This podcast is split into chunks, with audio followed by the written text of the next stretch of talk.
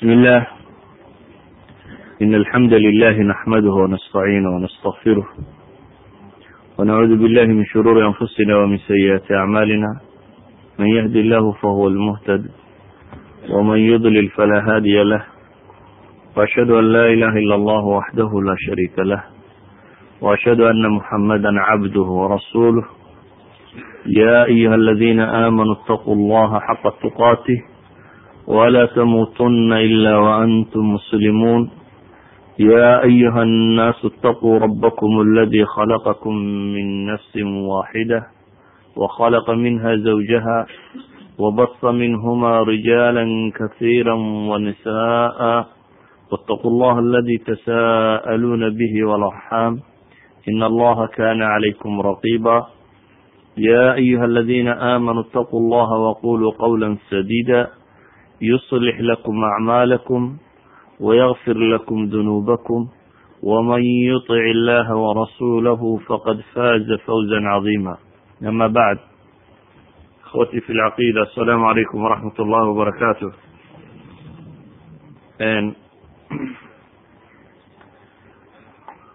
waxaan isku dayayaa inaan wax ka idhaahdo ama sharxi karo mawduucaasi aan ku tilmaamnay humuum almuslim ama qofka muslimka ah iyo hamiga uu sido. Ama bilaxra hamiga looga baahnaa werwarka looga baahnaa inuu qofka muslimkai xambaarsanaado. Insaanka calaa wajhi l ard bini aadamka dhulka korkiisa taagan oo dhami waa mahmuum. Qof waliba hamuu sidaa. Qof walba waxbaa maskaxdiisa ka guuxaya qof walba nolosha waxbuu ka rajaynaya inuu islaaxiyo ama hagaajiyo. Intay doontaba ha leekaatee. Waa min طabci linsaan inaynu odhan karno xataa caqliga bini aadamku malaa maruu maran yahay baaba iska yar. Hadaad jidka marayso waxaa laga yaaba maskaxdaadu inay sheekeynayso in wax ka guuxayaan. Suuqa caadiga markaad socoto. Waxaa laga yaabaa naftaadu inay isu waramayso waxuun baa werwarkaaga ama maskaxdaada ama aragtidaada ku soo noqnoqonaya oo ad in badan ka hadlaysa. Walidalik ba nin soomaaliyeed ba waxaa laga sheegaaba. U isla hadli jiraa la yidhi markuu waddooyinka iyo meelaha marayo wadaad awciisa la yidhahdo aha waa isla hadli jiraa la yidhi maalintii dambe yidhaha awcis markanaad horta dhulkaa marayso maxaad kula hadashaa? ba la yidhi.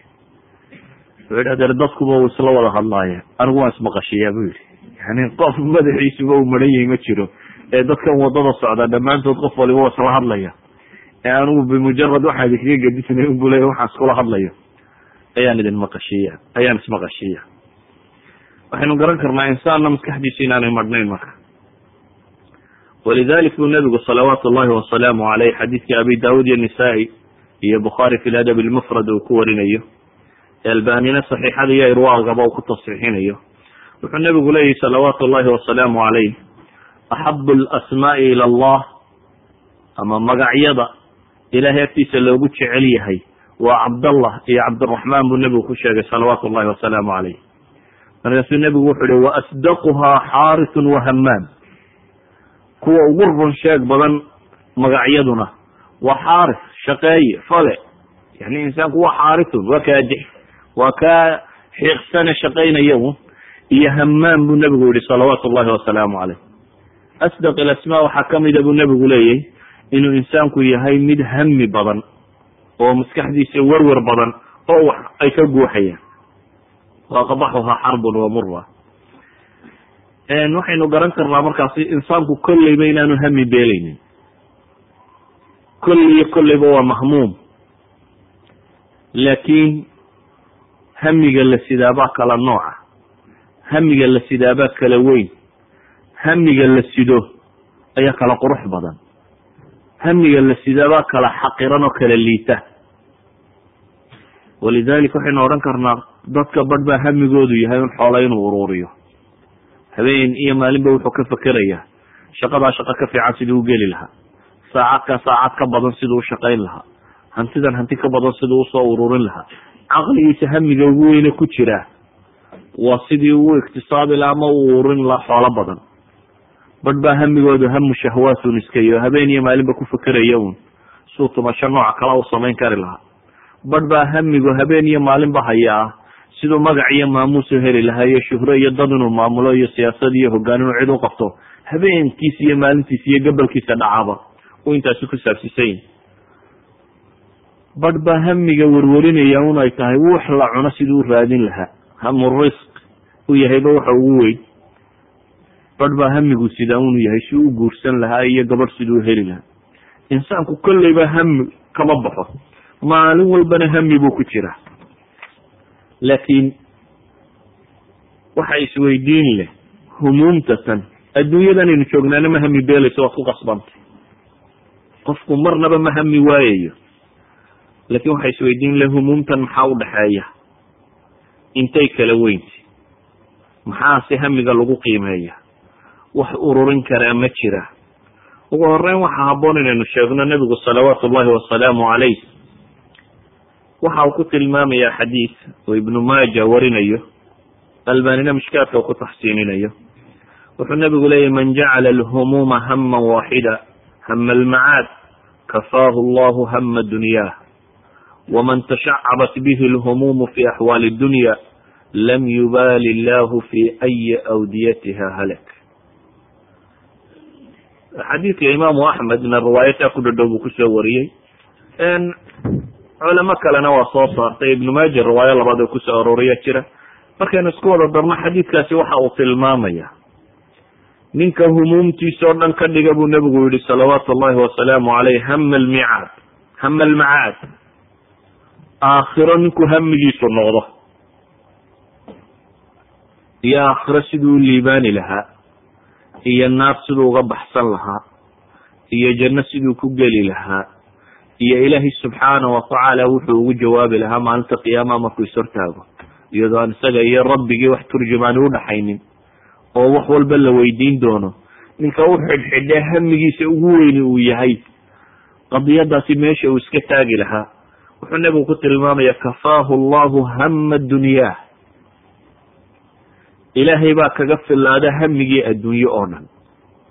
Hamigiisa adduun oo dhan ilahay baa kaga filaada buu nebigu yihi salawaatu allahi wasalaamu calayh waman tashacabat bihi lhumuum ninkay humuumtaasi ku tiro badato buu nebigu yihi ee ay ku badato ee waxa haysta iyo wuxuu ka warwaraya wuxuu isleeyahy xallilay iniba dhan oo la dhacdo. Fii axwaali dunya buu nebigu leeyahy humuumtiisu ninkay ku soo ururto axwaashaasi adduunyo lam yubaali illahu fi ayi awdiyatiha halak. Ilaahay uma aabayo yacni ma fiiriyo dan kama galo. Dooxyadeeda kuu ku halaagsamaya baa la yidhi subxaana watacaala yani nebigu wuxuu tilmaamayaa dooxyada adduun ama humuumtaa tirada badan leh ee uu ku dawakay ka uu ku halaagsamayo alla subxaana watacaala ma eego ama uma aaba yeelo yani wuxuu nabigu salawaatu ullahi wasalaamu calayh. Xadiis imaamu termedi warinaya isagana sanadkiisu insha allah saxiixu yahay. Wuxuu nabigu ku tilmaamaya man kanat ilaakhiratu hama jacala allahu ghinahu fi qalbih wajamaca lahu shamlah waatathu dunya wahiya raagima waman kanat iddunya hama jacala allahu faqrahu bayna caynayh wafaraqa calayhi shamlah walam ya'tihi min addunya ila ma qudir wuxuu nabigu leeyahy salawaatu ullahi wasalaamu calayh ninka humuumtiisu aakhiro ka yeela. Ilaahay subxaana watacaala qalbiga ayuu hina u dhigaa. Qalbigiisa ayuu ka kaaftoomaa. Hani buu noqdaa. Wa jamaca lahu shamla. Wa atat iddunya wahiya raagima ilaahay subxaana watacaala arrinkiisa o dhan wuu ururiyaa adduunkuna wuxuu u yimaadaa isagoo raadacaynayaba alla ku tilmaamaya subxaana watacaala ninka adduunye hamigiisa ka dhigaya siduu u ururin lahaa ama siduu boos uga gaari lahaa ama siduu wax uga noqon lahaa ilaahay faqrigiisunbuu labada indhood dhexdooda u saaraa buu nebigu leeyay salawaatu ullahi wasalaamu caleyh wa faraqa calayhi shamlah waana ka kala yaacdaa walam ya'tihi min addunya ila ma qudira lah. Adduunkana kama haleelo intii looga qoray mooyaane wax kale buu nebigu ku tilmaamaya. Adduunka wuxuu ka haleelaana waa intii looga qoray oo qura. Axaadiista tani waxa ay tilmaamaysa uu nebigu leeyahy salawaatu ullahi wasalaamu calayh adduun ninkii aanu hamigiisa ugu weyn noqonin ee aakhira ay noqoto hamigiisa ugu weyn wixiisa kale ilaahay baa u ururiya subxaanahu watacaala ninkuu adduun hamigiisa noqdo sidii kuwii gaalada ilahay la waladiina kafaruu yatamatacuun wayaakuluun kama taakulu ancaamu wannaaru maswan lahum. Ama uu nebigu ku tilmaamayay tacisa cabdu dirham wa dinaar. Hamigu hadduu adduun u noqdona ilaahi subxaanahu watacaala waa ku firdhiya waa ku sii dhib mutaa waxaynu isweydiinaynaa markaas qof kasta oo muslimina uu u baahan yahay inuu isweydiiyo waa maxay hamiga ugu weyn aynu xambaarsannahay insaanku wuu ku qasban yahay humuumtatan. Laakiin waxaynu leenahay humuumta mise leekayn isku midna ahayn sida awgeed buu nebigu salawaatu ullahi wasalaamu calayh xadiidkii tirmidi iyo nisaa-i fi camal yowm waleyla iyo xaakim ba ay soo warinayaan waxa uu nebigu ku tilmaamaya salawaatu ullahi wasalaamu calayh ducadiisii ka mid ahaa. Allahuma aqsim min khashyatika ma taxuulu bihi baynana xadiidka macruufka. Wuxuu nebigu lahaa salawaatu ullahi wasalaamu calayh oo ducadiisaasi ka mid ahaa. Walaa tajcal iddunya akbara hamina wala mablaga cilmina. Nabiy llaahi muxamed salawaatu ullahi wasalaamu calayh waxa uu alle ka baryaya oo uu weydiisanaya inaan ilaahay subxaana wa tacaala ka yeelin. Humuumtiisa ka ugu weyn inaanu ka yeelin. Adduunyo hami adduun inaanu noqonin ka noloshiisa saytareeya. Iyo walaa mablaga cilmina aqoonta iyadoo halkii ku gabagabowdana ilah waa ka dhigin buu nebigu leeyahy salawaatu ullahi wasalaamu calayh. Nebigu muxuu yeelay laa tajcal idunya akbara hamina insaanku waa mahmuum. Laakiin waxaa la yidhaahdaa humuumtu way ishoos timaadaa way kala farcantaa mid baa madaxu noqota. Xataa culamaai nafsiga caadiga waxay dhahdaan cilmiyan waxay dhahdaan insaanka hal hami baa saytareeya waxa kaloo dhami furuuc bay u noqdaan. Si kale haddaan u dhigno humuumta soo hadhay oo dhami waxay noqonayaan wax hamigaa qura u adeegaya. Masalan hadduu qofku hami aakhiro qaato hamiga aakhiro hadduu qaato. Hamigaasi nolosha adduun wuxuu ka samaynayo o dhan kaas baa xadida. Hadduu guursanayo wuxuu eegayaa guur aakhiro wax tara oo wuxuu eegayaa tare fasfar bidati diini taribat yadak hadduu guri degayo wuxuu eegayaa guri aakhiro wax tara wuxuu isweydiinaya yani meesha markaad degeyso meel markaad degeyso waxaad isweydiinaysaa intaasoo su'aalood hadduu hamigaagu adduun yahay waxaad isweydiinaysaa guriga iyo inta qole uu yahay sida uu ballaadhan yahay hawooyinkiisa iyo sida ay yihiin noocaasaad ufakeraysa hadduu laakiin hamigaagu aakhiro yahay waxa koowaad aad ka fekeraysaa waxa weeyaan guriga iyo jaarkiisa masaajidka iyo inta uu jiro salaada jamaacaadka shanta inaad gaari karta iyo inaad gaari karin. Idan miqyaaskaas sidetaabaa laba kala ah. Marka hamigaagu labada qofba guray u baahan yihiin labada qofba guray rabaan inay kiraystaan. Laakiin qofna wuxuu xambaarsan yahay hami aakhiro walidalika isagoo guri uun sida ka kaleba guri u gelaya guri gelaya ayaa gurigiisu wuxuu ku qiimaysan yahay. Intee buu jaarkaagu fiican yahay? Intee baad dad wanaagsan la degaysaa? Intee baad masaajida ku dhowaanaysaa? Intee baad meel cibaado kugu taageerto wadaysaa hadduu shaqo yahay soo kalu ku xisaabtamaya. Ninka hamigiisu hami aakhiro yahay wuxuu eegayaa shaqada tani. Wax macsiya intaad ka fogaan karaysa. Intay shubha ka dheertay. Intay xalaal u dhowday. Taasuu ka fekeraya nin kalena wuxuu ka fekerayaa. Teebaa maxay? Ayaa salary badan. Keebaa mushahar badan. Waa miqyaaska koowaad oo ku eegayo. Miqyaaskiisa labaadna waxa weyaan keeba saacaad yar. Laakiin waxaa laga yaabaa xataa haddaad ischool dhigayso macallin aad tahay. Inuu ka fekerto ninka aakhire ka fekeraya waxa laga yaaba inuu is idhaahdo iskuol keebaa kuu baahan. Keebaad diin wax uga tari karaysaa. Keebaad islaam dad ku hanuunin karaysaa. Kalena waxa laga yaaba inuu isweydiiyo su'aasha labada waa macallin laakiin macallin kale waxa laga yaba inu isweydiiyo keebaa xisaskana yar mushaharkana badan. Yani maadu ku qiimeynaya idan hamiga kugu weyn humuumta aad sido ayaa inta kaloo dhami hoos timaada haddii hamiga arsaaqda kuugu weyn yahay iyo xoolo sidee loo helaa noloshaada halkaad degayso waxa xadeeyo oo qura halkaad lacagta ugu badan ka helayso. Dii la yidhahdo maraykankay ku badan tahayna waa inaynu berri maraykanka wada tagnaa. Haddii la yidhaha xagga talyaaniga jirtana waa in talyaaniga la qabtaabo haddii xaggii soomaaliya aynu ku soo yani lagu sheegana xaggaasu baynu qabanayna waayo waxa xadaynaya ugu weyniba waa maxay? Hiya almaada waa lacag huwa alhami alakbar. Maadaama hamu lakbar uu yahay nolosha kaleo dhan iyadaa tawc looga dhigay iyadaa loo wada hogaansiinaya.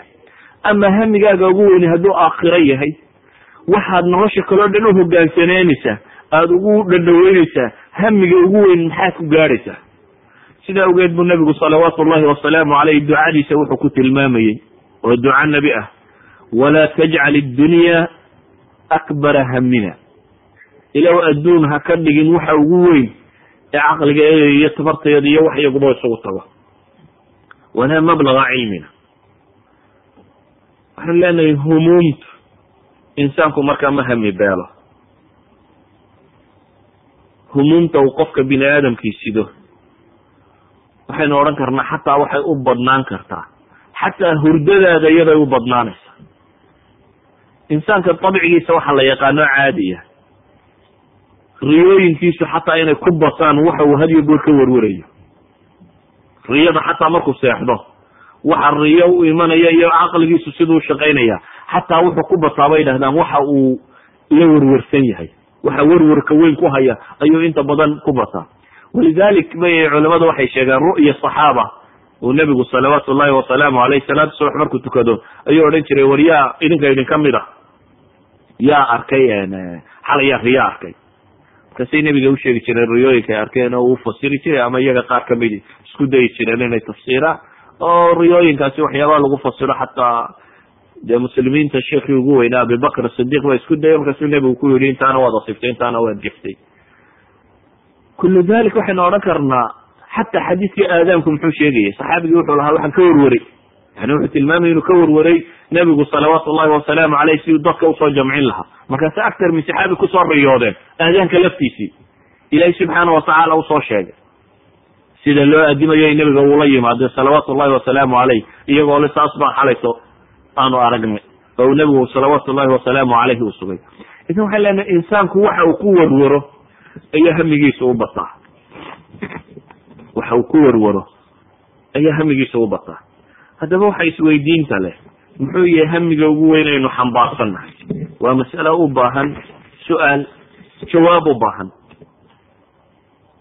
Hamiga ugu weyn aad xambaarsan tahay waa inuu xadeeyaa insaanku. Markaad hamigaa xadayso noloshaada inta kaleo dhan waad xadayn karaysa insaanku sheekh maxamed xasan ba wuxuu sheegaya qisa ayuu werinaya uu yihi niman baa meel isugu yimi buu yihi uu ka mid yahay saxaabigii la odhan jiray cabdillahi ibnu camar cabdillahi ibnu cumar ibn alkhataab iyo muscab ibnu cumayr muscab ibnu zubayr iyo curwata ibnu zubayr iyo cabdilmelik ibnu marwan ayaa meel wada fadhiistay buu yihi markaasuu muscab wuxuu yihi bu yihi war tamanow bal nin walowba wax tamani maxaad maskaxda ku haysaa? Maxaad jeclaan lahayd inaad noqoto muscab bay yidhahdeen bu yidhi adigu ka bilow naftaada. Hal adigu tamani anigu bu yihi waxaan tamaniyi lahaa. Wilaayada ciraaq ciraaq inaan weligeeda noqdo. Iyo inaan guursado bu yihi sukayna bint lxusein sukayna waa gabadh qurux aan ugu caan ahayd aalubeytkina ahayd. Sukayna bint lxusein iyo caaisha bintu talxa ibni cubaydillah labadaa hablood guurkooda iyo ciraaq maamulkeedan anigu hamigaygu aan ku warwarayaa buu yihi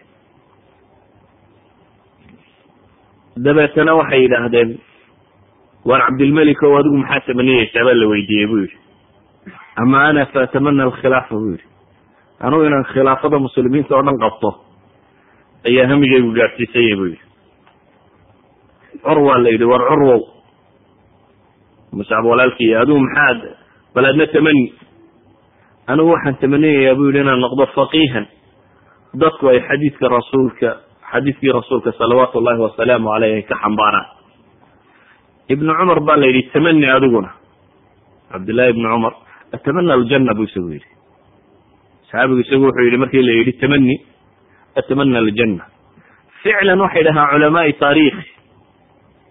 Markaynu saxaabiga ka tagno saddexda nine kale bay yidhahdaan nin waliba wuxuu tamaniyuu noqday muscab ibnu zubayr bay yidhahdaan waa waaligii ciraaqna wuu noqday.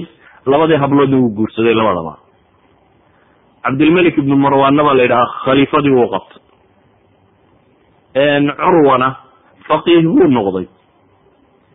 Habaryartii cilmi badan kala kulmay oo dabeetana xadiis badan xambaaray oo ka mid a fuqahadii muslimiinta ugu waaweynaa. Cabdillahina insha allah jannadaynu rajeynayna insaanku bay idhaahdaan humuumtu hamiga ku badani waaqaca wuu ka xaqiijin karaa. Idan waxaynu u baahanay inaynu in yar eegno muxuu ahaan jiray humuumtii ambiyada. Ambiyadu waa misaalka ama waa musulka ugu waaweyn ee nolosha wax lagaga daydo. Hamigoodu intuu ahaa maxay xambaarsanaayeen hami intee leeg buu ahaa? Waxaan leenahay ambiyadu humuumtoodu wuxuu hami umma. Adduunka markay joogeen ummad dhan inay xambaaraan ama umam dhan inay wax ka bedelaan. Insaanku bay yidhahdaan waa biqadri himmati. Hadduu insaanku haddaad caqiidaysato ay kaa dhaadhacdo inaad adduunka oo dhan keligaa waajihi karto. Waad waajihi kartaa haddaad laakiin marka horeba rumaysan tahay ma adduunka intaan leeg baacidi u babacdhigi karaysaa. Ood maalinta horeba isdhiibto adigoo xaqiirkaasumaad dhimanaysaa. un adigoo waaxid min aducafaa ka mid ah. Ayuubaad geeriyoon doontaa. Walidalika ambiyadu waa dadkii ummadaha ugu hami weynaa waayo ilaahay wuxuu soo diraa iyagoo loogu talagalay inay kownka dadka dul saaran oo dhan ka hor yimaadaan bal waxaad sawirtaa nebi moxamed salawaatu llahi wasalaamu caleyh ama nebi muuse ama nebi yani ambiyada waaxid minhum qof qura oo aan ciidan la socon oo cid kale la soconin laakiin isku dayayo keligii inuu dunida dadka jooga waajaho keligii. Yani waxaad sawirtaa bal nabiyullahi moxamed salawaatu llahi wasalaamu caleyh fardi quru aha maka jooga. Magaalo yar oo fog oo lama degaana. Laakiin loo soo egmaday oo ilaahay u soo diray inuu waajaho dunida dadka saaran oo dhan labadii dowladooda waaweynaa ee dunida ka jiray qabaailka carbeed ee badan ee kala daadsanaa nolosha bini aadamka o dhan inuu keligii waajaho oo weliba wax ka bedelo. Yani hami intaa leg markuu qofku xambaarsan yahay waaqaca waxbuu ka xaqiijinaya. Walidalik ba ilahi subxaana watacaala wuxuu inoo tilmaamaya masala nebi nuux oo ambiyadii humuumtaasi day ah. Rabbi inii dacawtu qawmii layla wa nahaara wuxuu sheeganaya hamu dacwa inuu siday. Oo uu habeen iyo maalinba dhawaaqayay habeen iyo maalinba inuu dhawaaqayay wuxuu kalu sheeganayaa asaaliibta bini aadam uu isticmaali karo oo dhanna inuu isticmaalay. Uma ini aclantu lahum waasrartu lahum israara. Kor iyo hoos iyo faq iyo nooc walo bini aadam wax loogu dhigi karaba inuu isku dayey inuu wax ugu soo dhigo ama uga hor yimaado waxaan garan karnaa nebigu salawaatu llahi wasalaamu caleyh. Hamiga intaa leegoo ummadeed siduu u xambaarsanaa in ilaahay subxaana watacaala qur'aanka ugu tilmaamayo lacalaka baakicun nafsaka anlaa yakunuu mu'miniin fi suurati shucaraa. Falacalaka baakicun nafsaka cala aahaarihim in lam yu'minuu bihada alxadiisi asafa fi suurati lkahf wla taxzan calayhim wla taku fii dayqin mima yamkuruun fi suurati naxl qad naclamu inahu layaxzunuka aladi yaquluun fainahum la yukadibuunak walakina alظaalimiina biaayaati illahi yajxaduun fi suurati alancaam wla taxzan calayhim wla taku fii dayqin mima yamkuruun fi suurati naml fla tdhab nafsuka calayhim xasaraat in allaha caliimu bima yasnacuun fi suurati fatir idan ilahay baa subxaanahu watacaala u tilmaamaya inaanu naftiisa hamigan tirada badan lee haya inaanu naftiisa ku kadin waxaad ka garan kartaa nebigu salawaatu llahi wasalaamu calayh saxiixu muslim xadiidkii ku sugnaa ee cabdillahi bni camr ibn alcaas uu sheegayo. Wuxuu yihi nebigu salawaatu llahi wasalaamu calayh wuxuu akriyay suuratu ibrahim faman tabicanii fainahu mini waman casaanii fainaka gafuru raxiim qowlkii nabiy llahi ibrahim wuxuu kaloo akriyay buu yihi qowlkii nebi ciise in tucadibhum fainahum cibaaduk wain takfir lahum fainaka anta alcaziizu alxakiim ayuu akriyey dabeetna intuu gacmaha kor u taagay ayuu nebigu ooyayey isagoo le allahuma ummati allahuma ummati. Yani hamu umma buu xambaarsanaa. Oo xataa aakhiradeeda ka warwarayay. Oo ilaahay baryaya subxaana watacaala u leeya allahuma ummati allahuma ummati. Xadiidka waa kii tilmaamaya ilaahay baa jibriil u soo dira. Isagoo og nebi moxamed salawaatu ullahi wasalaamuhu calayhi wuxuu ku sugan yahi ayaa la yidhaahdaa soo weydii oo maa yubtiik dhe maxaa kaa ohinaya weydii jibriil baa nebiga u yimi salawaatu ullahi wasalaamu calayh. Dabeetana wuxuu weydiiyey maxaa kaa oohinaya? Nebigu salawaatu ullahi wasalaamu calayh wuxuu u tilmaamay allahuma ummatii inuu leeyahy oo uu ummadiisa u calacalayo dabeetana ilaahay baa wuxuu ku yidhi jibriil idhab ilaa muxamadin faqul lah in allaha yaqulu laka ina sanurdika fi ummatik walaa nasuuk. Waxaad ku tidhaahdaa nebi moxamed salawaatu ullahi wasalaamu calayh inaa sanurdika fi ummatik walaa nasuuk. Ummadaada waa kaa raali gelinaynaa ba alla leeyahy subxaana watacaala oo kugu xumayn mayno suurati duxa waa ka aayaadka alla ku tilmaamaya subxaana watacala walasawfa yucطika rabuk fatarda alla leeyahy subxaana watacaala waxaan leenahay hamu dacwa waa ham min humuumi alaakhira in ummad aada hamigeed xambaarto inaad isku daydo ummad dhan inaad wax ka bedesho waa hami dadka waaweynun ay xambaari karaan. Walidalik bay caaisha waxay ku lahayd nabiga salawaatu ullahi wasalaamu calayhi xadiidkii saxiixeynka ku yaalay. Ayaa waxay tihi ilaahay rasuulkiisiiyo hal atra calayka yawmun kana ashad min yawmi uxud maalin maalintii uxud kaaga darani miyay kugu timi bay weydiisay nebiga salawaatu ullahi wasalaamu calayh maalintii uxud nebiga dhib badan baa soo gaadhay oo ciidankiisii la jebiyey oo saxaabo badan oo kuwa uu jeclaa ka mid yihiin xamze iyo rag la mid ay ku jiraan la dilay oo ay shahaado qaateen oo nebiga salawaatu ullahi wasalaamu caleyh xaj la gaarsiiyey uu salaadii fadhiga ku tukado oo god uu ku dhacay oo ilkaa barjajabeen oo koofiyadii madaxa ka gashay oo dhiig lagaga keenay oo dhib aada u tiro badan le ay gaadhay oo uu kori kari waaye buurtii yarayd ay korayeen ilaa saxaabi ugu fadhiistay oo uu isku taagay. Yani kullu dalik nebiga iyadoo soo gaadheen ee caaisha waxay ku tidhi maalintii uxud maalin kaaga darani miyay ku soo martay ilahi rasuulkiisiiyo?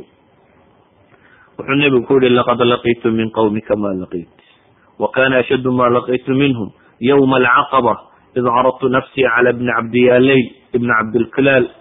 Falam y wuxuu nebigu leeyahy salawaatu ullahi wasalaamu calayh waan kala kulmay tolkaa wixii aan kala kulmay. Maalmaha igu daraydaan tolkaa wax kala kulmayna yawmi alcaqaba ba kamida buu nebigu leeyahy wuxuu ka waramayaa nebigu salawaatu ullahi wasalaamu calayhi markii maka intaa waxba lagaga dhegeysan waayey dhibtu ay soo gaadhay camulxusn ee uu baxay ee uu taa'if qaftay. Ee taa'ifna nimankii odayada u ahaa intuu u tegey ay aqbali waayeen nebigu wuxuu leeyahy fainطalaqtu wa ana mahmuumun cala wajhi. Waan soo dhaqaaqay buu nebigu yihi salawaatu ullahi wasalaamu calayh.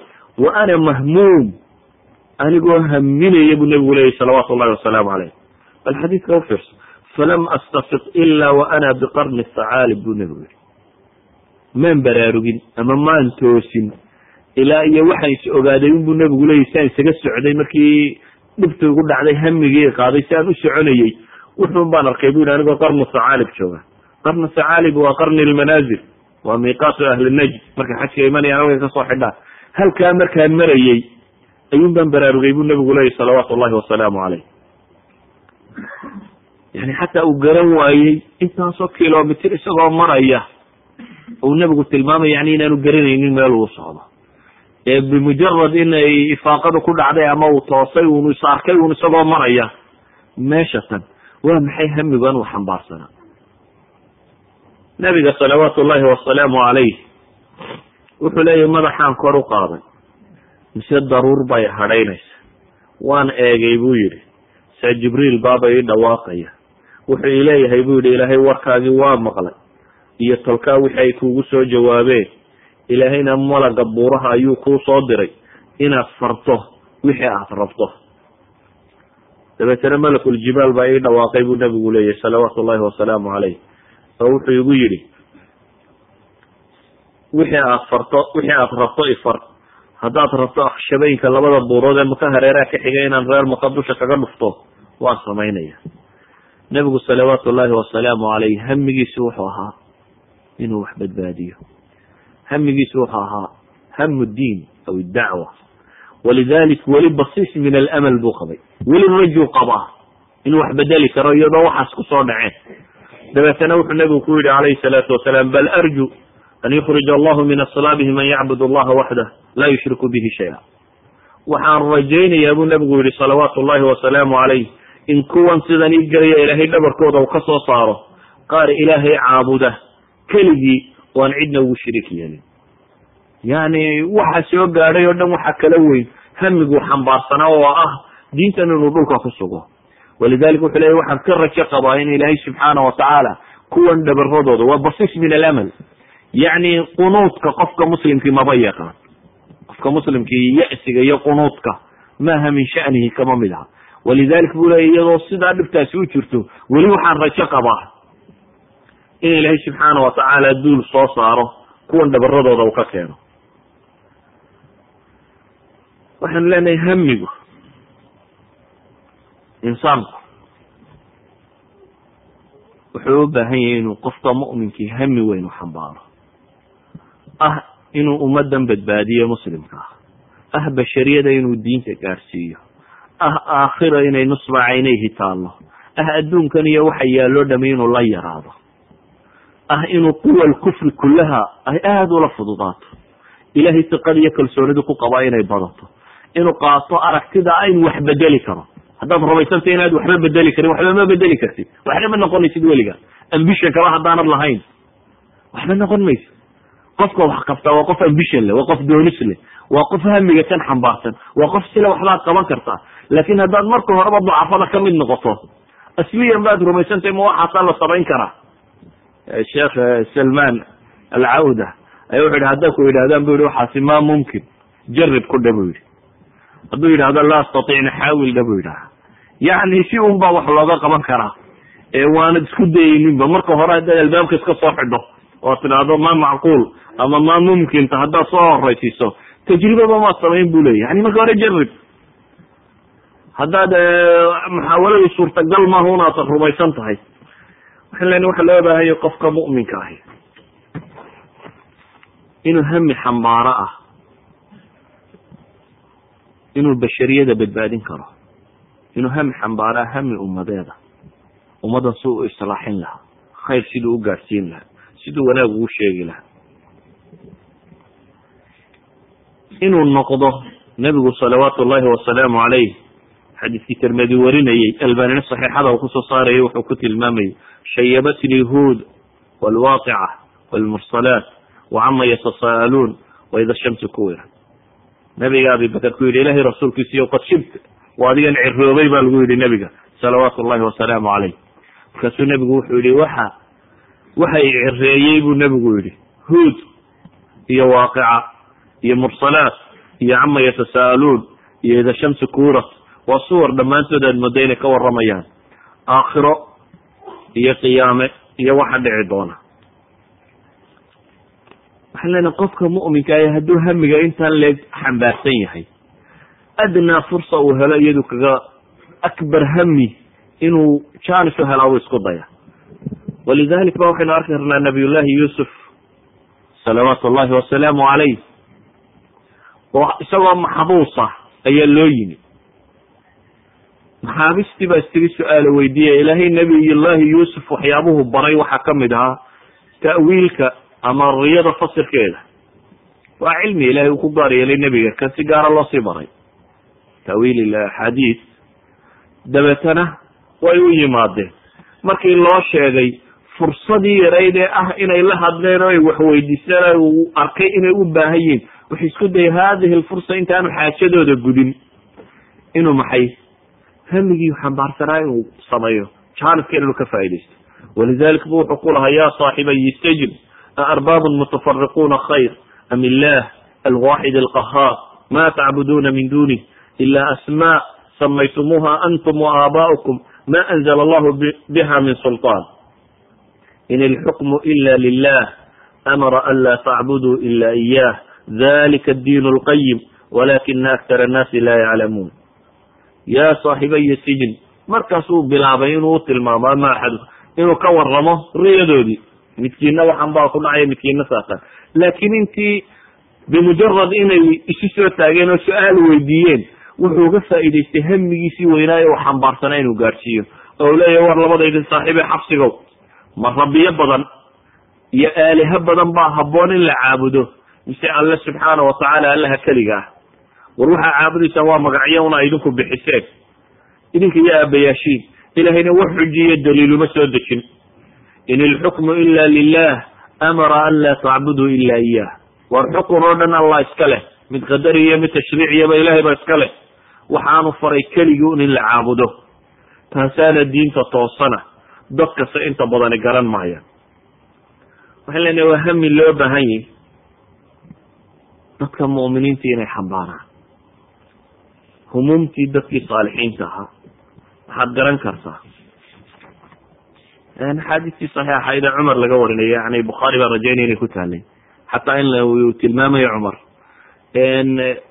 Hamigiisu yani anoo salaada ku jiraan waxaan tajhiisiyaa buu lahaa jeish ujahisu jeishan fi salaa. Ciidan dhan baan u xidhxidhaa. Waxaa la yidhahdaa cumar. Ayaa maalin wuxuu ku yidhi ba la yidhahdaa bacd saxaaba. Waar bal tamanu buu yidhi. Bal waxa tamaniya. Saaxibu safwi safwa sida uu sheegayo tamaniya buu yidhi. Dabeetana waxaa nin baa wuxuu yidhi waxaan tamaniyey daartan oo dahaba oan ilaahay dartii u bixiyo daartan aynu ku jirno inta wada daab noqotaan dartii u bixiyo haddana mar kaluu cumar yidhi ba la yidhi tamanow bal mar kale isku daya. Mid kale wuxuu yihi waxaan anigu tamaniyaya iyadoo mamlu'a lu'lu'an wa zubarjadan wa jawhara unfiqhu fi sabiili illah iyadoo lu'lu iyo zubarjad iyo yani macaadintaasi qaaliga iyadoo ka buuxda waan ilaahay dartii u bixiyo markaasuu yihi tamanu waxay ku yidhaahdeen ya amiira almu'miniina ma nadri ma naqul waxaanu dhahna garan mayna bay ku yidhaahdeen wuxuu cumar yidhi anigu laakin waxaan tamaninayaa daartanoo rag wada abu cubayda ilaahay ka buuxiye buu yihi rijaal yani mitl abu cubayda hamiguu xambaarsanaabaa wuxuu ahaa hamu diini wadacwa iyo in futuuxaadkan ilaahay u furo laakin dadku ku tiirsanaan lahaa buu rajaynaya daartanoo wada abi cubayde ah ayaan anigu tamaniyi lahaa buu leeya ama hamigaygu ahaan laha ikhwati fi lcaqiida waxaan leenahay qofku waxa ku soo noqnoqda ee hamiga uu xambaarsan yihi in badan buu caqligiisa raad ku yeesha waxaad garan kartaa saxaabigii sacd ibn rabic alansari markii uu nebigu yihi salawaatu llahi wasalaamu alayhi war bal soo eega gazwat uxud yani meel uu ku dambeeyey isagoo naftu ay ka sii baxayso ayay u yimaadeen. Dabeetana fariin buu faray. Ninkii ku yidhi waxaan kuu imi inaan eego warkaaga oo ilaahay rasuulkiisa iskaa soo diray. Fariin buu sii faray. Wuxuu yihi ilaahay rasuulkiisii salaan iga gaadhsiiy tolkayna kelmad iga gaadhsii buu ku yidhi tolkay waxaad iga gaadhsiisaa buu yidhi cudurdaar ilaahay agtiisa ma lihidin iyadoo yacni nafaa-idin ku jirto haddii la soo gaadho nebigii salawaatu llahi wasalaamu caleyh wa aakhiru ramaq min xayaati laakiin warwarkiisa ugu badani wuxuu yahay hamu hada diin ayuu sidaa. Waxaan leenahay waa humuumtii dadkii saalixiintii hore ay sidi jireen. Waa hami uu baahannahay in badan in dadka muslimiinta dambe ay xambaaraan humuumteenu yay noqonin kuwa ilaahay ku tilmaamaya wa طaa'ifatun qad ahamathum anfusuhum طaa'ifa min almunaafiqiin yadunuuna billahi gayra alxaqi dana aljaahiliya waxaa alle subxaana watacaala kuwaasi ku tilmaamay wa طaa'ifatun qad ahamathum anfusuhum yadunuuna billahi gayra alxaqi dana aljaahiliya koox baa ilahay yihi naftooda uunay werwergelisay waa sifa min sifaati lmunaafiqiin baa lagu tilmaamaya insaanku hadduu uun naftan iyo dunida meeluu dhiga iyo hal uu ku badbaadiyon hadduu ka warwaro un oo wax kaleba aanu ka warwaraynin. Waxa haboon qofka muslimkaah inuu in badan dib uu wax u eego. Oo u eego hamiga uu xambaaraya hamiga wiye iyo hamigu inta uu leekaan karo. Waxaan isku dayayaa inaan ku soo koobaba hal xadiid oo intiina badan ee wada garanaysaa. Xadiid saxiixa wada taqaaniin oo sunanka iyo saxiixu imaamu muslima ku soo arooray. Waa xadiid wiil yar xagga jismiga iyo da-da ka yar laakiin hamiguu siday oo aada u weynaa. Waa wiil yar oo isku dayey inuu ummad hamigeed qaado inuu badbaadiyo waa wiil yar oo aan aqoontiisu badnayn laakiin hamiga kan xambaarsan rumaysan inuu wax badbaadin karayo. An idhaahdo maanta inan yeeri ummad ma badbaadin karaa waxa laga yaaba inaad tidhahdaan hayru mumkin. Dunidan maanta saan isugu saas yada waxa lena waa badbaadin karaa waa suurtagal. Ee adigu albaabada suurtagalka o dhan ha awdi waayo markaad basiisul amal markaad soo wada xidho waxa ka dambeeyaad raadcaynaysa waa inaad fadhiisato. Yani insaanku markuu hamiga oo dhan iska soo wada xidho oo is idhahdo waxba ma qaban kartid markaasaad geeriyotid naftaa kugu jirte laakin naf malihide geeridu waxay ku haysaa maalintaas tidhahdo waxba ma tartid aad isdhiibto maalintaasa geerida xaadir kugu tahay. Qoloftaada joogisteeda waxba tari mayso. Insaanku wuxuu xayi nool yahay. Markuu rumaysay inuu wax bedeli karo markuu ficlan waxaasi u dhaqaaqayo walidalik ayaa nebigu salawaatu ullahi wasalaamu calayh si uu arrintan inoogu tilmaamo. Saxiixu muslim xadiidka ku qoran wuxuu nebigu tilmaamaya ummadihii idinka idinka horreeyey kana malikun fi man kana qablakum wa kana lahu saaxir buu nebigu ummadihii idinka idinka horreeyey ninbaa boqor baa ka mid ahaa boqorku saaxir buu lahaa. Awalan waxaad ogaataa suxaradu waa dad inta badan sheegtaa keybka inay wax ka tarayaan keybkana waxa uga baqa badan le dadka madaxda ah. Dadka madaxda ah baa keybka ugu baqa badan leh. Inta badanna madaxdu hadday ilaahay ka fogaato khuraafaday ku xidhantaa xataa buyuut lbaydaa alyawm caalamka waxaa caadiya oo la yaqaanaa haddaad taariikhdii hore daraasayso sixirka iyo tanjiimka iyo falalowinta iyo kuwa iyo madaxdu way isku xidhnayn jireen. Taariikhda basharka ee quray kuwaasi kala baxaan waa marka taarikh alambiyaa iyo dadka muuminiinta ay yimaadaan. Kullamaa kufru yimaado xataa qolada dayaxa fuushay ee cirka wax u dirtay intikhaabaadkooda iyo warkooda fooxiyayaasha loo wada tagaa ma jiro siyaasi aan fuuxsani fi caalamina alyawm. Kaynu maanta joognaan ka warramaya hadda ayso dhanina berigii jaahiliyadiiyo waxbuu ka warramaya. Kanaynu maanta joogno way yartay axzaab aan faaliyaal lahayn. Faaliyo caadiya waa faaliyo ah. Oo intuu faaliyo rogo oo yidhaahda waa guuraysananaa sanadkan. Sheega wixii kuwii sheegi jireen. Ceesaan cad iyo mid madow iyo iyaguna ceesaamo ma lehe kuwo kale sheegaan. Oo la qaba waa sidii un yani waxba isma bedelin waayo insaanku binafsihi majhuulka waxa la yidhahdo insaanku uu ka baqa. Waxa aanu garanaynin. Keybka soo socdana uu ka baqa.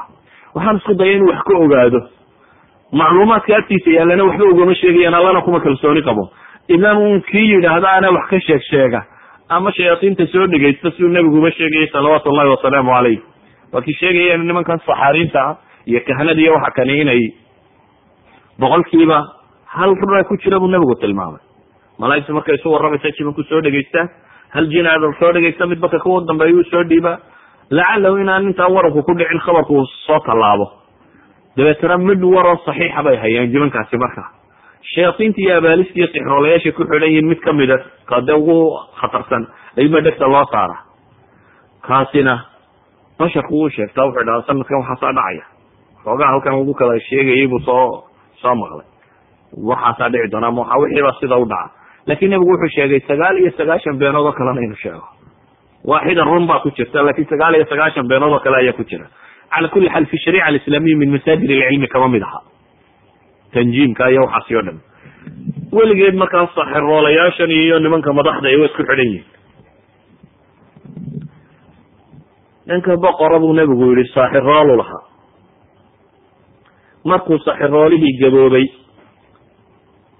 ayuu wuxuu ku yihi boqorkii qaala lilmalik inii qad kabirtu fabcat ilaya gulaama ucallimhu sixr wa fi riwaayati tirmidiy wa kana lidalika almalik kahinun yakahanu lah faqala alkahinu اnzuruu li gulaama fahima aw qala fatinan laqinan faucallimuhu cilmi hada riwaayadka xadiidka isku wada daruna wuxuu ninkii sheegtay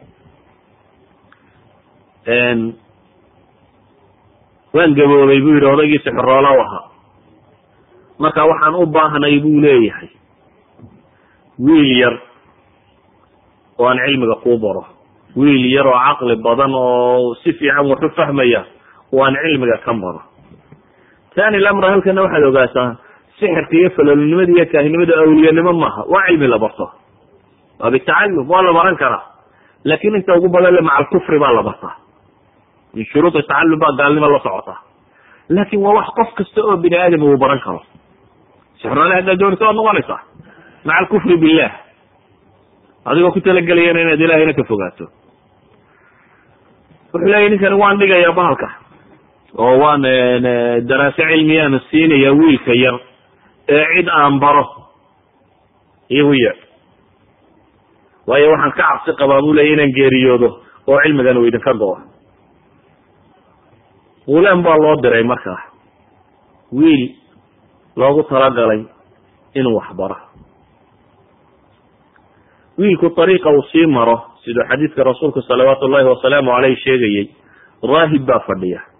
Nin cibaado u go'ay oo muslima ayaa degan wiilku markuu sii maro raahibka waa iskala sii yaro fadhiistaa dabeetana waxoogaa khayra buu ka sii dhegeystaa wuxuu u tagaa markaa saaxirka. Saaxirkana wuu ka soo dhegeystaa wiilka laakiin warkii raahibku wuu cajabgeliyey marka uu ka soo noqdo saaxiroolaha ee uu xagga gurigoodii ku sii socdana waa la yaro fadhiistaa waxoogaa kaleu ka sii dhegeystaa wiilku markaa ariiqiisii nin ahlucilmiyu ka helay markuu xagga sixiroolaha u sii socdana inbuu ka sii dhegeystaa markuu xagga guriga u soo socdana inbuu ka dhegeystaa saaxiroolihii markaa wuxuu ka xanaaqay wiilkani xisaska waktigii loogu talagalay inuu qaato ayuu ka habsaama saaxiroolaha markuu yimaado nebigu wuxuu leeyahy wuu garaacaa leannahu ta'ahara caleyh waktigii loogu talagalay inuu imaado dib uga dhacay. Reerkooda markuu u tagana waa la maagaa.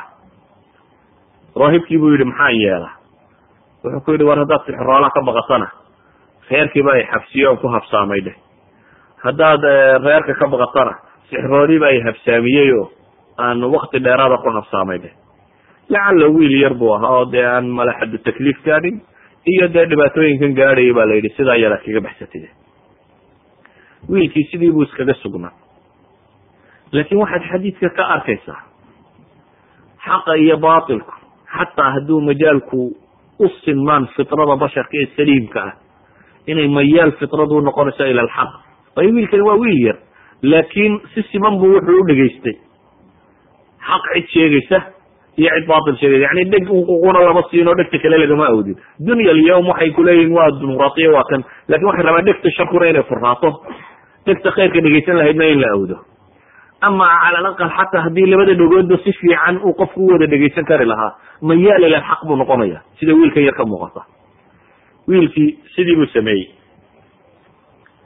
Xadiidka nebigu salawaatu ullahi wasalaamu calayh waxa uu tilmaamayaa maalintii dambe ayuu wuxuu jidkii kula kulmay. Daaba cadiima. Riwaayadda imaamu axmedna waxay tilmaamaysaa daaba fadiica.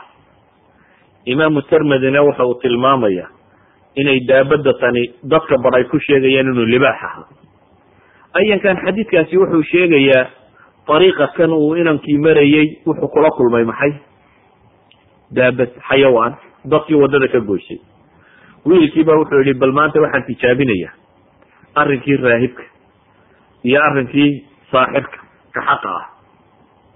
Maantaan ogaanayaa buu yihi dabeetana intuu dhagax qaato uu lulay ayuu wuxu ihi ilaahayow haddii arrinka raahibku uu xaggaaga lagu jecel yahay oo ka saaxirka lagaga jecel yahay daabadaasi maanta ay dhagaxa ku dhimataa wiilka waxaad arkaysaa markasta inuu mayaal u yahay xagga xaqa waayo wuxuu horaysiinaya waxa uu tajribeynaya waa maxay? Waa arrinkii raahibka wuxuu leya ilah arrinka raahibku hadduu ka toosnaan badan yahay ninka kale arrinkiisa. Dhagaxaasi uu dilaa. Xayawaankan. Dhagixii buu ku tuuray. Dhagixii wuu dilay. Dadkiina waddadiiba iska mareen. Dadkii su'aala bay isweydiiyeen waryaa dilay? Libaax libaaxii waddada fadhiistay. Waxaa la yidhi algulaam wiil yar unbaaba dhagaxinta u lulay. Kow kaga siiyey wiilka yidhi isku dayga fikradda abuu sitay. Waanu isku dayey ilahayna gacantiisa ku dilay. Dabeetana dadkii wiilka yare xaggiisii baa loo soo yaaco waxaa la yidhi laqad calima hada algulaamu cilman lam yaclamhu axad wiilkan yare cilmu soo bartay.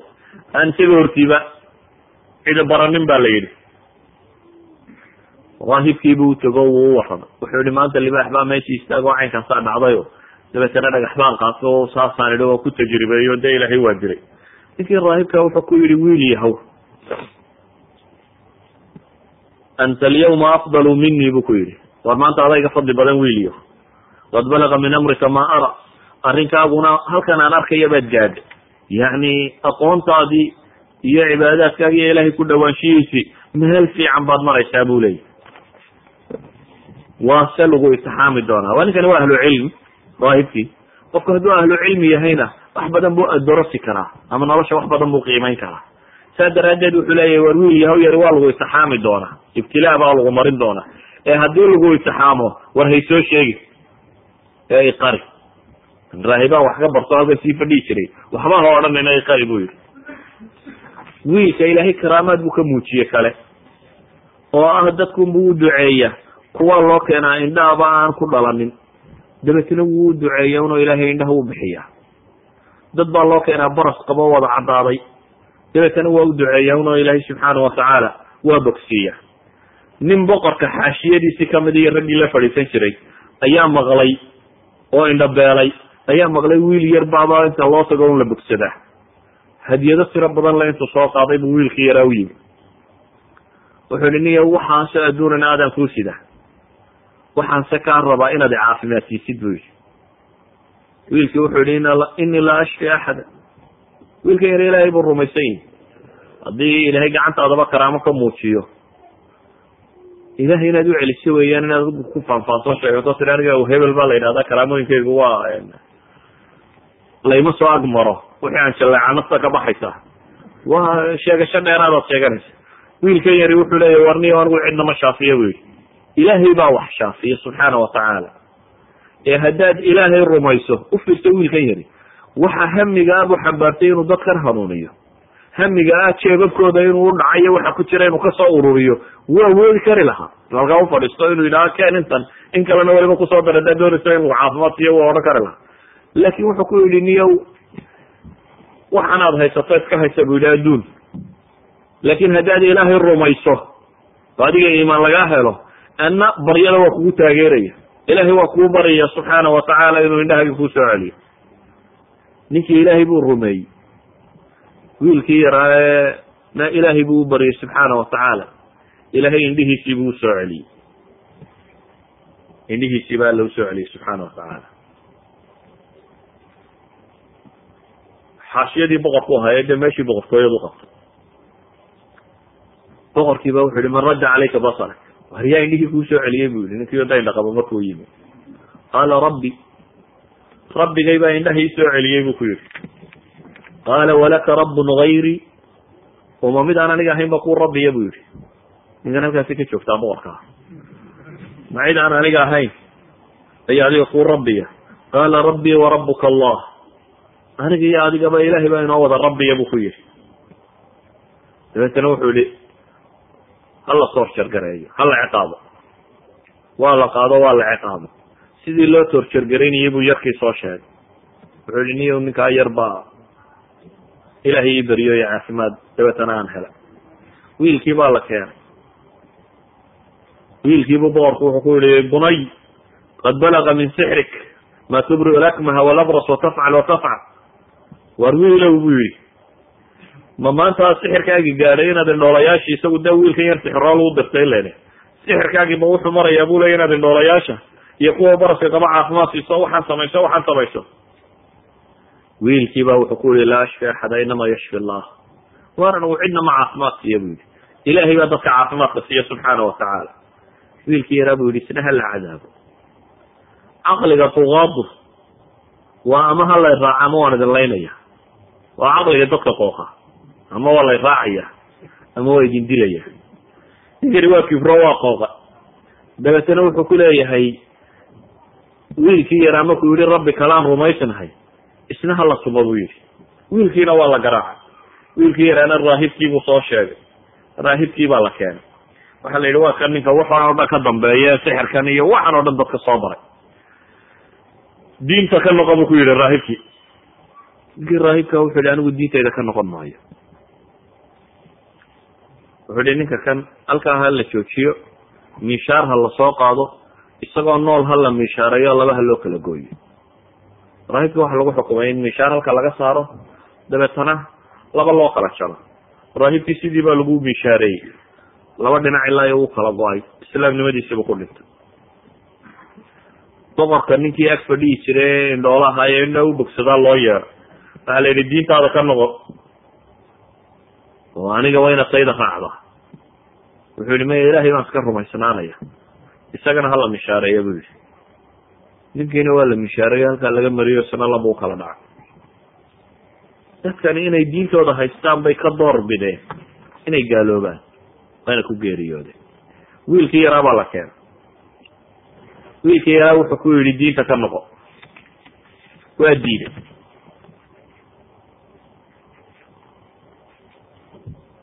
wiilkii yaraa markuu diiday inuu diinta ka noqdo. Wuxuu yihi qaada. Buur heblaayo saara.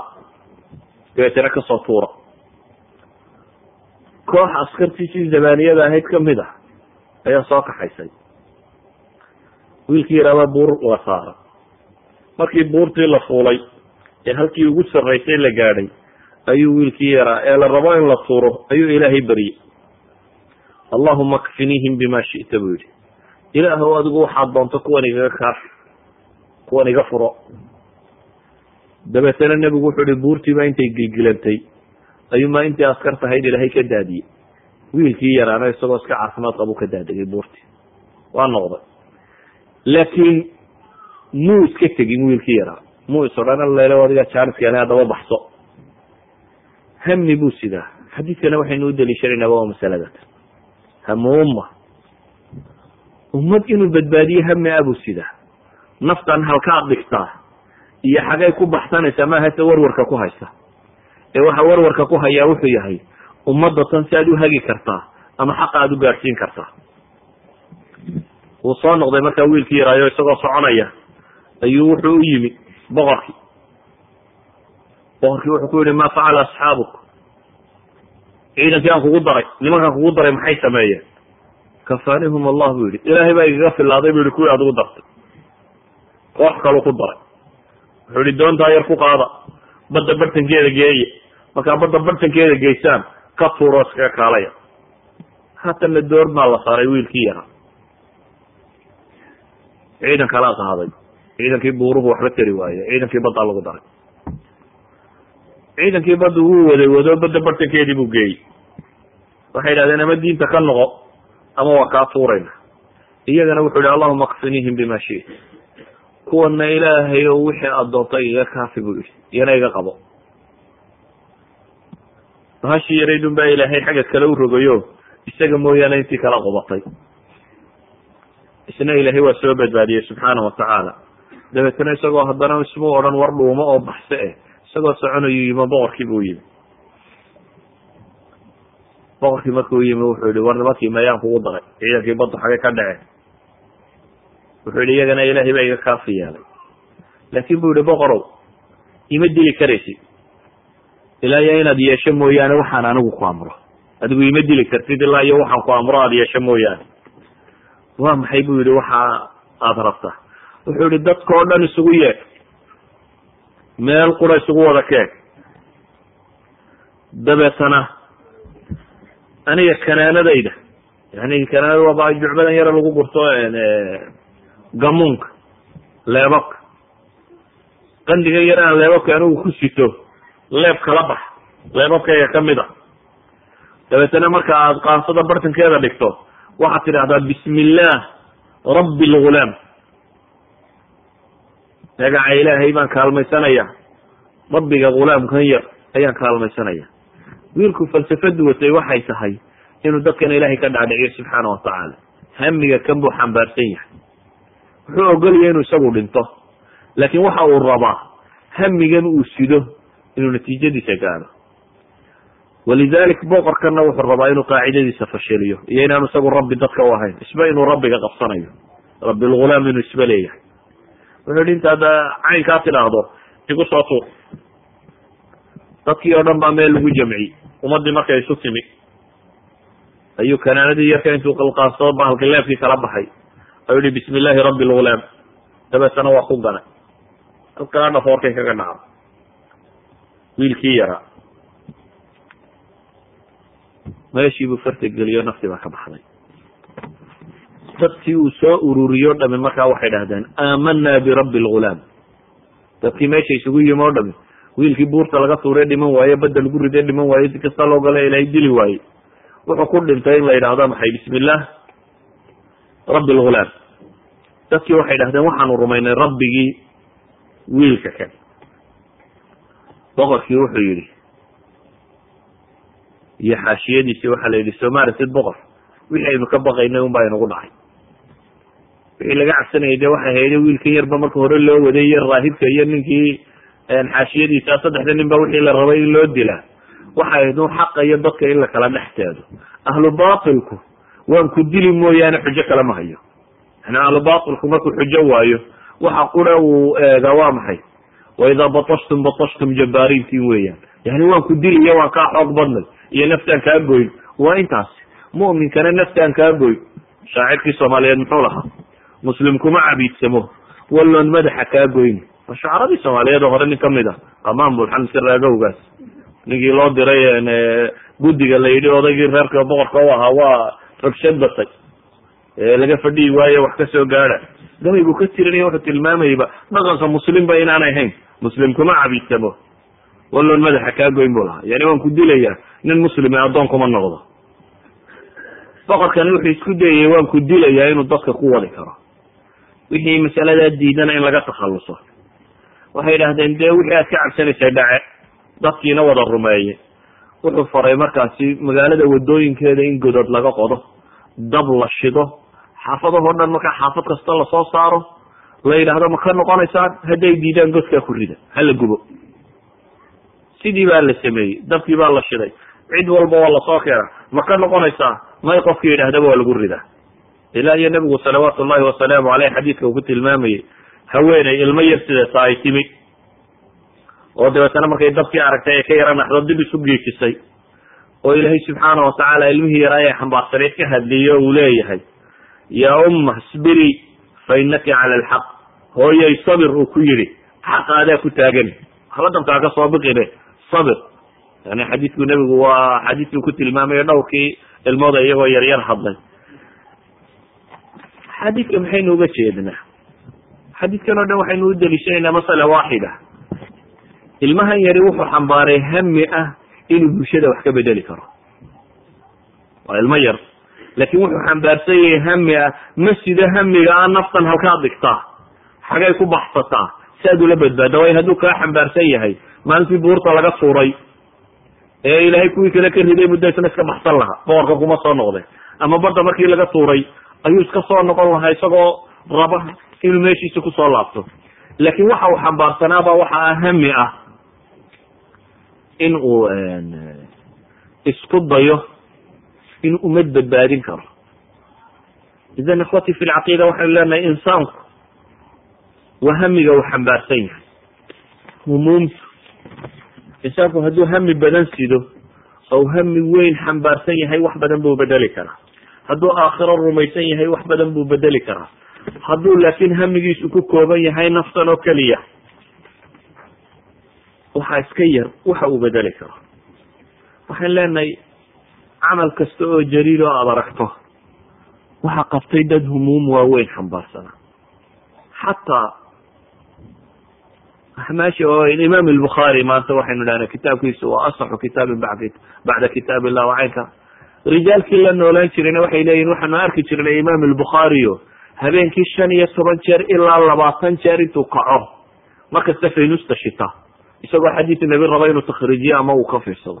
U fiirso qof habeen kasta shan iyo toban jeer ilaa labaatan jeer kacaya hamiga uu xambaarsan yihi fi kulli la leeyahay habeen walba intuu kaco ayuu ugu yaraan intuu seexdu kaco seexdo kaco. Mararka qaarkood bay shan iyo toban ilaa labaatan gaadhaysay. Bimujarad kitaabkaasi inuu soo saaro leenahay insaanku hami weyn xambaarsani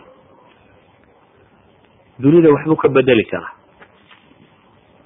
waa xaqiiqa naftu waa daciiftaha xataa shaacirkii carbeede fi zaman aljaahiliya noola muxuu yihi waida kanat inufuusu kibaara tacibat fi muraadiha alajsaamu buu lahaa. Nafuhu hadday waaweyn yihiin buu yihi nafta qof ku jirtaa naf weyn hadday tahay.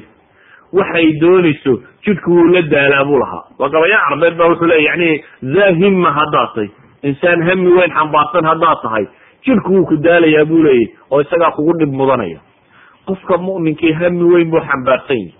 Wuxuu xambaarsan yahay hami ah aakhiro inuu badbaado. Wuxuu xambaarsan yahay hami ah ummadda inuu badbaadiyo. Wuxuu xambaarsan yahay dadkan inuu cadaabka ka ilaaliyo. Walidalika habeenkiisa iyo maalintiisaba waa jihaad iyo ijtihaad. Nolosha adduun qofka mu'minkaa wuxuu u arkaa maxay? Xayaato loolane noloshani maaha nolol tamatuc kuwa gaaleed baa ilahay leeya yatamatacuuna wayakuluun ama kuwa mu'miniin ilahay wuxuu leya waladiina jaahaduu fiina. Nolosha gebigeeduba waa jihaadka nolosha gebigeeduba waa imtixaan. Insaanka muslimkii laakin hami weyn buu xambaarsanya walidalika waxaynu leenahay waxa haboon qofka muslimkii inuu eego war hamigaad xambaarsantay waa kuma. Humumta aad sido ayuhuma keebaa alhami alakbara hamiga kuugu weyne waxa kaloo dhan soo hosgeli karaan yahay maxaad nafta ka aaminsantay inaad maxay bedeli karto? Haddaad rumaysantahay caalamkan inaad waxba ka bedeli karin. Dawlado waaweyn baa jira kan waaweyn baa jira waxan waaweyn baa jira waxba ma jir waxba ma bedeli karaysa waxaanad ogsoonaataa hadday tahay risaalaadka islaax iyo hadday tahay kuwa fasaadkaba basharku wax kasta uu dunidan ku hayo. Cid unbaa u dadaashay wanaagyadii dunida ka dhashayna qof umu ka soo bilaabmo isu taagay. Xumayowa tirada badan le falsafaadkan batilka aad arkaysana afraad unbaa bilowday oo hami ku hamiday oo u bixisay. Idan waxay leenahay nolosha qofka muslimka ahi wax badan buu ka bedeli karaa. Qofka mu'minkiina waa hamaam laakin hamigiisu waa hami weyn. Waa hami a inuu noloshatan risaalaadkii ambiyadu ka taga inuu ku sugo. Waa hami a noloshatan inay la fududahay oo aakhiro siduu dadku u badbaadi lahaa ama loo liibaani lahaa u in badan xambaarsan yahay waa hami baynu leenahay u baahan wax badan u baahan. Walidalika ikhwati fi lcaqiida waxaynu leenahay fi casrina waxaa dadka ku batay kasalka iyo cajsiga. Himaduna waa risqun min allahi subxaana wa tacaala. Iyo dadkoo naftoodii xaqiray. Iyo iyagoo aan tijaabinba bal waxa ku jira. War insaanka caadiga ah waaqaadkaaga iyo awoodda kugu jirto ma ogaanaysid inaad tijaabiso mooyaane. Mithaal basiit insaanku xataa markay ku xiinto baaqaad baa jira markuu caadiga iyo aanu isticmaali karin. Laakin baahidu markay timaado ilaahay uu furo futuuxaad u noqoto mithaal basiit aan ku siiyo haddaan iminka xanig halkaa dhigo idhaahdo ka booda hal mitira dadka waxaa laga yaabaa inta xadhiggaa ka boodi kartaa inay noqoto inta halka fadhida nuskeed hani nus inay mitirkaa boodi kari weydo laakin haddii dhibi dhacdo xagga laynaga soo eriyado balaaya dhacdo. Oo mid laba mitira laynoo dhigo inteena ugu badani xagga saraynu ka mari lahay. Saxiixa maaha. Waayo bay idhaahdaan. Insaanku bay idhahdaan markan marna waxaad leedahay adigoo shakisan bo isla armaa dhaafi kari weyda. Marna kullu caqlik wuxuu ku xidhan yahay inaad mahdan ka tallawdo derbiga haddii laynagu sii wada daayo layna eriyayo inta ka soo dhacaysa waxaa laga yaaba afraad yar inay noqoto. Laakin inta ugu badan inay iska jarto xagga sare ka marto hadduu derbi caadiya iska ahaan laha o layna si caadiya uga boodan inay ka boodan yani waxaan uga jeedaa daaqada kugu kaydsan energyga aad xambaarsantahy xataa si fiican uma exploration kuma samayn kartid. Inaad wax walba tijaabiso mooyaane inaad wax isku daydo mooyaane walidalik waxaynu u baahanay qofka muslimki inuu noqdo qof hami weyn sida hamu risaala qof xambaarsan. Qof hamu lumma ummadda inuu islaaxiyo wax ka bedelo sida. Hadduu qofka muslimkii hamiga intaa leeg xambaaro waxna waynu bedeli karnaa. Qimadana waa gaari karnaa. Halka sare waxa gaadho qof rumaysan inuu gaari karo. Iimaankaasi qaba oo dabeetana juhdi iyo dadaal u bixinaya. Laakin nin marka horeba rumaysan inaan meesha la gaari karaynin nin marka horeba rumaysan inaan waxba la iska celin karaynin nin marka horeba rumaysan inaan waxba la islaaxin karaynin. Nin marka horeba rumaysan guriguun lagu jiraa waxba waa sii geeriyoodin wuxuu sheegaya. Wuxuu sheegaya o dhami waa geeriyoonaysaane naftu horaha idinka soo baxdo. Waxaan lena ikhwati fi lcaqiida humuum. Teena inaynu bedello ay noqoto humuumtii ambiyadu xambaarsanaayeen dadkii saalixiintii xambaarsanaayeen dadkii waaweynaa xambaarsanaayeen aynu ku soo koobno inuu noqdo hamigaasi aakhiro amaa humuumta adduun intaynu sidno nebigu salawaatu ullahi wasalaamu calayhi wuxuu leeyahay hamigaas waa kala firdhaya dooxyada dunida markaasee humuumtee tirada badan lana tay naftu kaaga baxayso ilahay midna uma aabayeelayo wallahu aclam bilahi tawfiiq. Jaza allahu khayr aljaza walaalkeen sheekh mustafe muxaadarada qiimaha badan inoo soo jeediyey. Ilahayna waxaan ka rajeynayaa inuu inaga dhigo kuwii ilahay lahaa. Aladiina yastamicuuna alqawla fayatabicuuna axsana insha allahu dersiga kan ku xigaa ama muxaadarada